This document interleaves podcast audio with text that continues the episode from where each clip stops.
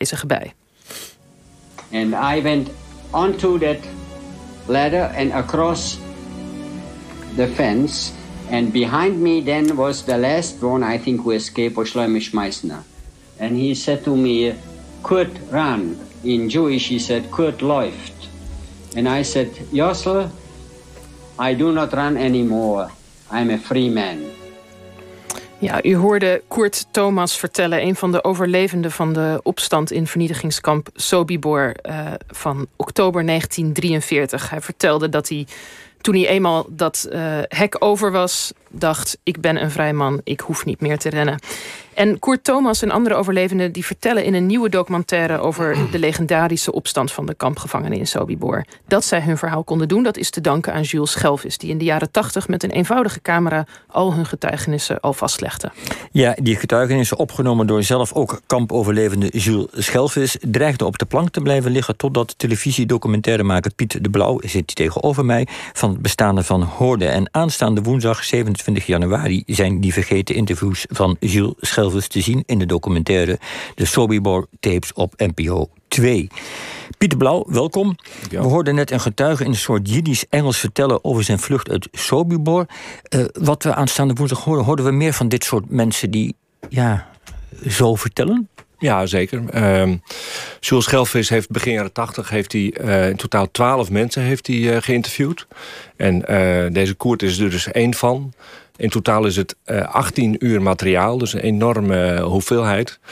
En dat zijn, ja, het unieke vind ik aan die, aan, die, aan die interviews... is dat ze eigenlijk van minuut tot minuut vertellen wat daar gebeurd is.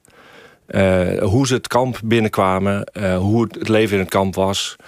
En daarna dat ze zich realiseerden, wij moeten hier weg. Ja, dit, dit zijn eigenlijk een soort interviews zoals Claude Landsman destijds voor Shoah de grote televisies of serie hield. Eigenlijk nog voor die tijd zijn, is dit eigenlijk het, net zo'n rijk materiaal nou, op zijn minst. Het, dat Landsman is natuurlijk uh, een monument wat, wat hij uh, met Shoah gemaakt heeft. Hij heeft ook een documentaire gemaakt over, uh, over Sobibor. Maar Schelvis zat hier al voor. Dit is begin jaren tachtig. En ja, dit, dit, de rijkheid van dit materiaal, hè, de hoeveelheid, al die mensen die vertellen wat hun, wat hun overkomen is. Ja, ik had, ik had dat nog nooit zo gezien. Ja. Uh, en dan ook nog over één plek. Kijk, Landsman heeft natuurlijk over heel veel... die hele holocaust heeft hij behandeld. En dat is natuurlijk fantastisch uh, materiaal. Maar dit gaat allemaal over één kamp.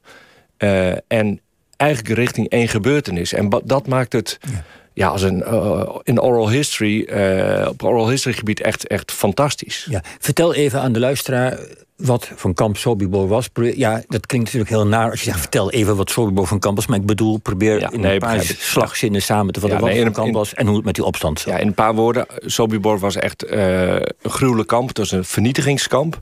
Dus het was niet een, een, een zomaar een concentratiekamp... wat natuurlijk ook al verschrikkelijk was. Maar uh, mensen die hier aankwamen... die waren eigenlijk binnen een paar uur dood. Uh, die werden gelijk afgevoerd uh, richting de gaskamers. Daar vertellen de mensen in de, op deze tapes ook over. In totaal zijn er 170.000 ongeveer vergast. Waaronder iets van 32.000 Nederlanders. En er zijn 18 Nederlanders teruggekeerd. Wat al even aangeeft wat voor, wat voor soort kamp het was. En uh, mensen vertellen ook uh, in die tapes uh, ja, dat, ze, dat ze eigenlijk verbaasd waren dat het een, een vernietigingskamp was. Want het zag er. Het zag er bijna idyllisch uit. Zeker als je in de zomer daar kwam. Dat, de, de, de Duitsers hadden het zo neergezet. dat het met, met, met, met vriendelijke huisjes. Met bloemetjes ervoor. alles om de, om de illusie in stand te houden dat ze inderdaad gingen werken. En heel veel mensen dachten dat ook. Jules Schelvis nam een gitaar mee. Die dacht, we gaan hier werken. Ja. En vervolgens, nou ja, uh, opende de hel zich. Ja. En die opstand die ontstaat op 14 oktober 1943. En dat is alleen maar te begrijpen. Het kamp bestaat van Grodel en een vernietigingskamp. En er zijn twee andere bijkampen, zeg maar voor het gemak even, werkkampen. En daar ontstaat die opstand. Ja, er zijn... Uh, een paar. Uh, er is een kleine groep die inderdaad moet werken. Ja, dus het, smerigste werk wat je kunt uh, verzinnen. Dat is inderdaad meewerken om die machinerie uh, uh, gaande te houden. en um, ja, die, die, die mensen die, die zijn daar dus een tijdje geweest. de meeste mensen werden gelijk vermoord. Maar deze groep was daar iets langer, waardoor zij zich realiseerden wij gaan onze dood tegemoet. Want die, bij Tourbeurt werden die, die groepen die daar moesten werken... werden ook uh, vermoord. Uh, dus ze realiseerden, wij moeten hier uitbreken... want anders wordt, wordt ook voor ons wordt dit het einde. Daar komt nog bij... Ze hebben verschillende keren hebben ze geprobeerd om uit te breken. Dat was allemaal mislukt. Waren, ze werden verraden of nou, allerlei verschillende redenen. Toen kwam er een groep Russische soldaten, ook Joods, die kwamen. En die hadden de kennis om in opstand te komen. En die combinatie is waarschijnlijk de reden geweest... waarom het hier gelukt is om uit te breken.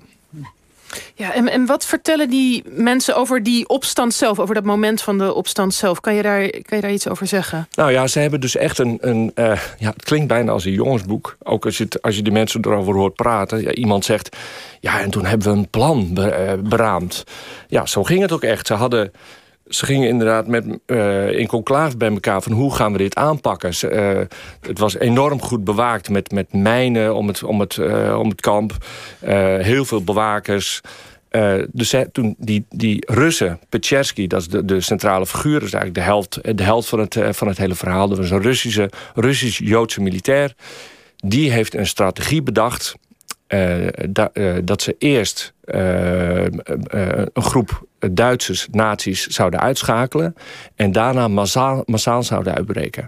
Nou ja, en zo is het ook gegaan. Ik bedoel, ze, ze vertellen inderdaad ja, hoe, ze, hoe ze eigenhandig die nazi's uh, ombrengen. Hoe doen ze dat? Ja, ja, dat is heel, heel plastisch. Maar er zit een man en die, uh, ze lokken dus... Uh, die nazi's lokken ze naar, naar binnen. Er waren verschillende werkplaatsen. Waren er. die lokken ze naar binnen en dan gewoon met een bijl hakken ze die de, de kop in. Ja. En, er is één man bij, geloof ik, eh, Chassil Mensje. Mensje. En die heeft, je moet dat verhaal even vertellen, hoe hij het vertelt. Ja, nee, je, je, moet het natuurlijk zien, maar hij vertelt... dat is sowieso de, de meest emotionele uh, man. Hè. De, de, heel veel getuigen vertelden vrij uh, klinisch over... van hoe gingen we dat, hè, hoe hebben we dat aangepakt... Uh, maar deze man is, is, uh, zit inderdaad vol emotie. Zijn, zijn vrouw is uh, daar vermoord, zijn kind is daar vermoord en zijn moeder. En daar is hij woedend over. En hij kan het eerst niet geloven, maar dan, vervolgens zegt hij... hier moet wraak genomen worden. En dat doet hij ook. een van die Duitsers die wordt in zo'n barak geleid. En dan met een, met een bijl hakt hij hem de kop in. En dan zegt hij, en dit is voor mijn vrouw. En dit is voor mijn kind. En dit is voor mijn moeder. En uh, dan zeg je ja, ik, ik, en ik was. Uh, dit was de wraak, ook voor het hele Joodse volk. Ja, dat is. Uh, toen ik dat fragment zag, dat is al, al twaalf jaar geleden, toen ik, wat ik kende, Schelvers, die heeft me die, die tapes toen laten zien. Ja, toen dacht ik van ja, hier, hier, dit is uniek materiaal en dit, dit moet naar buiten. Ja, hij, hij zegt het in het Jiddisch, we, we, kunnen het niet laten horen, want het is gewoon niet te verstaan als je het beeld er niet bij hebt. Maar het is zeer indrukwekkend. En, en wat, wat ik ook heel mooi vind aan die documentaire... is dat moment dat die, die uh, Russische voormalige legerofficier... zo met allemaal uh, medailles om en zo... Want die is in Rusland gefilmd. Die mocht niet, van de Russen niet naar, nee, nee, dat was, eh, Duitsland komen. Dat was enorm tragisch. Dit, kijk, Jules Schelvers heeft dit bedacht in Duitsland... toen er een rechtszaak was tegen Frenzel. En uh, dat was een van de, een van de kampbewakers... En uh, uh, daar kwamen dus alle uh, getuigen kwamen uit de hele wereld. Daarom hebben ze ook allemaal een heel gek accent. Uh, kwamen uit, uit Australië, Amerika, alle, allerlei landen. En die kwamen daar getuigen. Maar de belangrijkste man, namelijk uh, die mocht niet komen. Want die, was, die werd vastgehouden toen nog in de Sovjet-Unie. Het was begin jaren tachtig, hoogtepunt van de Koude Oorlog. Die werd vastgehouden, die werd het was natuurlijk zo, zo een schande dat Russische militairen, wat hij was, dat die werden uh, gearresteerd, gevangen genomen. Dat, dat, daar kon je de doodstraf voor krijgen. Niet. Ja. Precies. En dan was hij nog een Jood ook. En in uh, de Sovjet-Unie was een lange tijd was er enorm veel antisemitisme. Dus hij mocht het land niet uit. Dus het, de, hij zat daar vast met het verhaal... terwijl hij voor die, die kleine groep nabestaanden... was hij een, was hij een held... En uh, Jules heeft besloten samen met Dunja uh, Breuer... dat was een, een, Nederlandse slaviste, ook Joods... om daar naartoe te gaan. Dus ze zijn met die kleine camera's zijn ze naar de, naar de Sovjet-Unie gegaan. Wat ongelooflijk is dat dat gelukt is. Ze hebben hem daar gefilmd en uh, zijn teruggekomen. En ja, inderdaad, die, die, ehm, die man, ja, dat is heel tragisch. Hè? Als je die beelden ziet van, van dat hij samen met zijn Russische kameraden daar staat. en geëmotioneerd vertelt over, over alle doden die er zijn gevallen. Ja, dat is, dat is van een tragiek. Dat, ja, dat overstijgt alles bijna. Er is nog een, een ander tragisch element aan, aan dit hele verhaal en deze hele documentaire. En dat is dat Jules Schelvis, de man die, de, die al deze mensen heeft gefilmd in de jaren tachtig. En die zelf ook een connectie heeft met Sobibor. Hij, hij is er, heeft hij is er, twee, geweest. Ja. Is er twee uur gezeten. Heeft daar, zijn, zijn vrouw is er vermoord. Zijn schoonouders zijn er vermoord. Die besluit in de jaren tachtig om al die mensen te gaan filmen. En vervolgens belanden ze 40 jaar op de plank. Ja. Ja, dat is nu moeilijk te begrijpen. Ja, ja dat is moeilijk. Um, kijk, hij, was, uh, hij wilde heel graag dat er een documentaire van zou worden gemaakt. Uh, we ontdekken ook dat er inderdaad een heel veel filmscript van uh, gemaakt is. Samen met die Dunja heeft hij dat, heeft hij dat gedaan. Hij heeft allerlei omroepen heeft hij, in Nederland heeft hij aangeschreven van... jongens, we moeten hier iets mee. het is zelfs vertaald dus naar Amerika van ja, het leek alsof de tijd er niet rijp voor was. Kijk, dat materiaal dat was VHS-materiaal. Het was een van de eerste consumentencamera's, dus dat was ja, niet geweldig materiaal.